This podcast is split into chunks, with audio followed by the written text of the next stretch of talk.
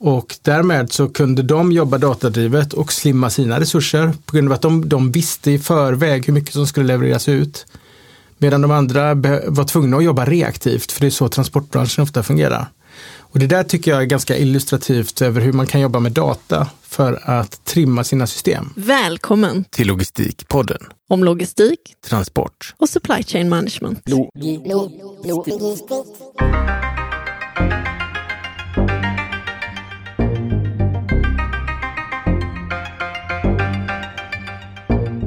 Hej och varmt välkommen till Logistikpodden. Vad är det för frågor som ni lyssnare har egentligen? Det har vi tagit reda på genom att vi arrangerade ett webbinar den 3 juni. Det här avsnittet är en del av det webbinariet, så här får ni höra en fråga och eh, när jag och P.O. diskuterar svaret på den. Ja, precis. Och i veckans avsnitt så har vi en fråga från Peter Herlin som handlar om lagerhållning.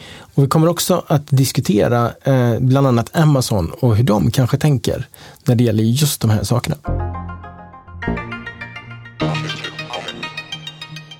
Den här är ju från dig då, Peter Helin. Eh, jag tänkte jag läser upp den, eller om du vill läsa upp den själv, men jag kan läsa upp den så kan du, om du vill kommentera. Eh, så får du gärna göra det. Eh, skulle vilja att ni pratar om problematiken med att öka sin lagerhållning som en följd av leveransstörningar och prisstegring, vilket många nu känner sig tvingade till. Risker, miljöaspekter etc. Och det där är en väldigt bra fråga det är klassisk logistik vi pratar om här. Vad ska man lagerhålla? Hur nära kunden eller hur nära konsument eller hur nära producent? Hur många lager ska man ha? Varför ska man göra på det ena eller det andra sättet? Mm.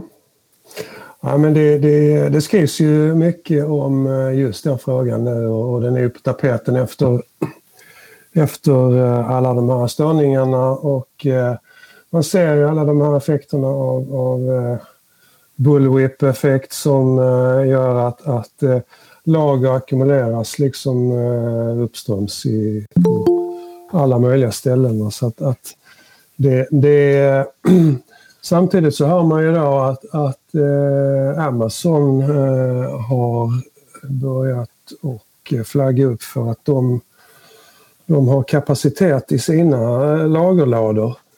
Eh, och eh, lite grann eh, eh, eh, går på tvärs mot, eh, mot det här. Jag vet inte, var, har, har vi någon teorier kring vad som händer och sker just där? För man kan ju tänka liksom att, att eh, generellt sett lagerhållningen har, har eh, borde ha ökat liksom på, på, på många ställen i, i eh, kedjan här. Va? Vilket, och så har, har, vi, har vi brist på, på eh, vissa typer av, av, eh, av varor eh, som inte går att få fram. Långa leveranstider på eh, om du ska beställa en eh, maskin till det eller en värmepump eller eh, vad, vad du nu ska göra så har du leveranstider på ett och ett halvt år. Ju. Så att, att eh, det är väldigt eh, spretigt. Just, just lager är ju logistiksystemets smörjmedel lite grann. Eh, lager finns ju inte för skojs skull utan de har man för att kunna plocka upp slack i bägge ändar eller plocka upp för att, för att äta upp osäkerheten egentligen. Så därför har man ett lager för att man är inte riktigt säker på eh, hur snabbt man kan få leverans från Sydostasien till exempel. Då lägger man ett, ett lager närmare kunderna för att veta att man alltid ska kunna leverera i den takten kunderna vill köpa snarare än att man levererar den takten man kan få leveranser. Så att lager eh, fyller många olika funktioner.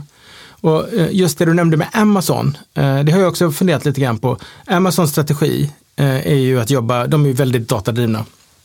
Om de har fysisk kapacitet över någonstans, det kan vara ett lager eller det kan vara i deras egen fordonsflotta eller, eller någon annan fysisk resurs, så tenderar de att vilja sälja den eh, till någon. Eh, för att det de själva inte utnyttjar, det vill de kunna få in intäkter på.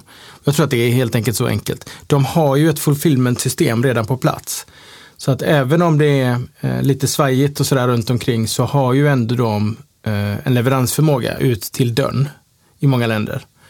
Och eh, för dem handlar det om precis som, alltså det är egentligen ingen skillnad mellan dem och ett stort postbolag till exempel. Att eh, det gäller att få in fler paket i systemet för att du har så enorma fasta kostnader. Så att du måste täcka dem. Mm. Men då har de ju kanske byggt lite på spekulation och, och, och så här också. Och eh, att eh, de, de har ju sett att, att, att eh, volymerna ökar och, och eh, Eh, alla olika resurser som de, de själv har, har eh, gått in och, och satsat på eh, oavsett om det är lager eller det är liksom containerskepp som de har, har har leasat eller, eller köpt in så, så, så säljer de kapacitet helt enkelt. Jag tänker att eh, osäkerhet är alltid någonting som man kan tjäna pengar på. Eh, och det är ju någonting som alla försöker göra. Alltså själva, om man, om man tänker tillbaka på grunden med lager, så är det ju att ha en utjämnande effekt. Så att det jag tänker generellt sett på är, eh, ändrade sig på något sätt i någon ände? Det vill säga, eh, tror jag att efterfrågan har ändrats beroende på situationen. Eh, det är ju ena änden och den andra är hur ser det ut med tillgången till någonting? Och det är klart att när det har sett ut som det gör så är det ju inte grundtillgången som påverkas men däremot förflyttningen till den platsen du vill ha det på. Eh, och eh, efterfrågan har ju på många ställen faktiskt inte ändrats, men däremot eh, tillgången till det. Och då vill du ju bygga lager för att eh, utjämna den här osäkerheten helt enkelt. Eh, och det är ju det som är grunden som vi ser. Risken finns ju alltid, precis som du var inne på, att få den här bullwhip-effekten, det vill säga att alla hamstrar och alla lagrar. Eh, och då blir det på något sätt eh, allt all osäkerhet fördubblas och eh, hanteras på ett eh, felaktigt sätt. Så att det är väldigt svårt att säga generellt. Det jag tänker är att man behöver ju alltid tänka alltså efterfrågan, utbud, men också eh, vad är de kritiska komponenterna. Eh, och sen så tycker jag en faktor som vi inte har tänkt så mycket på, men som vi verkligen eh, har en outnyttjad resurs, det är ju det här med cirkulära flöden. Alltså hur kan jag tänka eh, maskiner, vad du är inne på till exempel, eh, att det kan vara svårt kanske att få fram komponenter till nya maskiner och samtidigt så vet man kanske att det finns väldigt många som håller på att gå i pension. Kan man på något sätt hitta delar därifrån? Eh, eller kan man få de eh, gamla maskinerna att faktiskt gå längre genom att ge dem lite kärlek och service. Eh, så att eh, det eh, är väl Även om situationen på ett sätt är ny med den osäkerheten vi har, så är ju principerna ändå fortfarande i spel. Jag kan också säga något vi blir bättre och bättre på, det är ju att prediktera beteenden. Och det är ju här, dat- det är här algoritmerna kommer in lite grann. Att kunna förutse hur kunderna kommer att bete sig 30 dagar framåt det kan ju ersätta behovet av ett lokalt lager.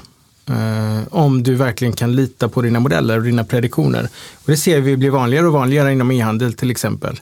Att man, eh, man lyckas, man applicerar egentligen statistik i stora talens lag men på, med enorma datakällor och enormt många variabler. Och lyckas på det sättet eh, trimma systemet så att man eh, gör det man behöver göra men inte mer. Det finns ett exempel, jag har nämnt det tidigare och det är Amazon. Det gjordes en studie eh, kring Amazons leveranser i New York under eh, 10-talet. Jag såg data för fem år och då tittade de på ett, på ett lägenhetskomplex med 140 lägenheter, något sånt. Och varje dag noterades hur många paket som det här lägenhetskomplexet fick och vem som kom med paketet. Eh, Eh, US Postal Service, Fedex, UPS, DHL eh, och Amazon, det var de fem. Och eh, det första året, om det var 2014, då, då kom de, de fyra traditionella med alla paket. Amazon hade ingenting. Medan fem år senare så hade Amazon 20 procent av den marknaden. Och det kan man ju tycka att det är ganska naturligt då. Amazon är en stor del av e-handeln i USA. Men sen tittade de på antalet som kom varje veckodag. Måndag till söndag. Och då såg man att det fanns en rejäl spik på tisdagar. Alla beställer på helgen och så kommer leverans på måndag, tisdag. Och nästan ingenting på helgen eh, hos de allra flesta transportörerna. Men Amazon levererade exakt lika många paket sju dagar i veckan, varje dag. Och det beror ju inte på att de sålde lika många produkter varje dag till det huset, utan det var vad de valde att fylla sitt eget system med. Sen lät de US Postal Service, UPS, Fedex och DHL ta hand om tisdagarna när de själva inte hann med allting då. Och därmed så kunde de jobba datadrivet och slimma sina resurser på grund av att de, de visste i förväg hur mycket som skulle levereras ut. Medan de andra var tvungna att jobba reaktivt, för det är så transportbranschen ofta fungerar. Och det där tycker jag är ganska illustrativt över hur man kan jobba med data för att trimma sina system. Och jag tänker två saker där. Det ena är ju som du var inne på, eh, att utjämna flöden och det kan man ju se också med det, styrning av flöde, det vill säga att du kan ha olika erbjudanden olika dagar för att jämna ut det, för att göra det enklare att styra. Det andra är ju det här med datadrivet, är ju jättebra när man kan nyttja, men bygger också på att det oftast, för att få bra prediktioner så behöver man oftast tillgång till relativt mycket eh, data och då kan man också behöva dela data och det är någonting som vi är lite obekväma med. Men sen så kommer Kristina med en jättebra eh, kommentar också, att eh, jag tänker att det här kan ge ett lyft för mer återanvändning. Och det är ju någonting som jag eh, också verkligen ser eh, positivt på. Vi vet alla att det måste hända och om man ska vara tacksam för någonting för pandemin så tycker jag det är just det att när det blir eh, tajt med råvaror eh, där vi brukar hämta dem, så börjar vi ju titta på andra resurser med andra ögon. Eh, och det eh, tycker jag poppar upp rätt så mycket, men jag tycker att det borde gå eh, betydligt snabbare. Eh, vi borde bli mycket mer kreativa eh, och där är det ju egentligen så att just avfall är vi rätt så duktiga på att ta hand om. Men eh, hela den processen mellan att en produkt är helt ny till den blir avfall, så ska den ju förhoppningsvis användas eh, många gånger, det vill säga att man kanske kan bygga något i moduler, man kan uppgradera saker, man kan ge det ett mycket längre liv på vägen innan det faktiskt blir avfall. Så att eh, jag håller helt med där och eh, hoppas att vi ser mycket mer återanvändning som ett sätt att också fylla på sitt lager faktiskt.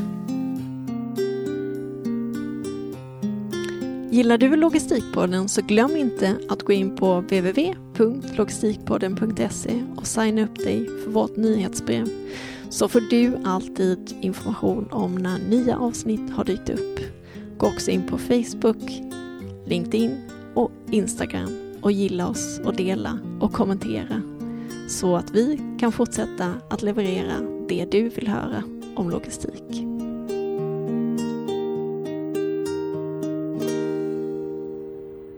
Logistikpodden.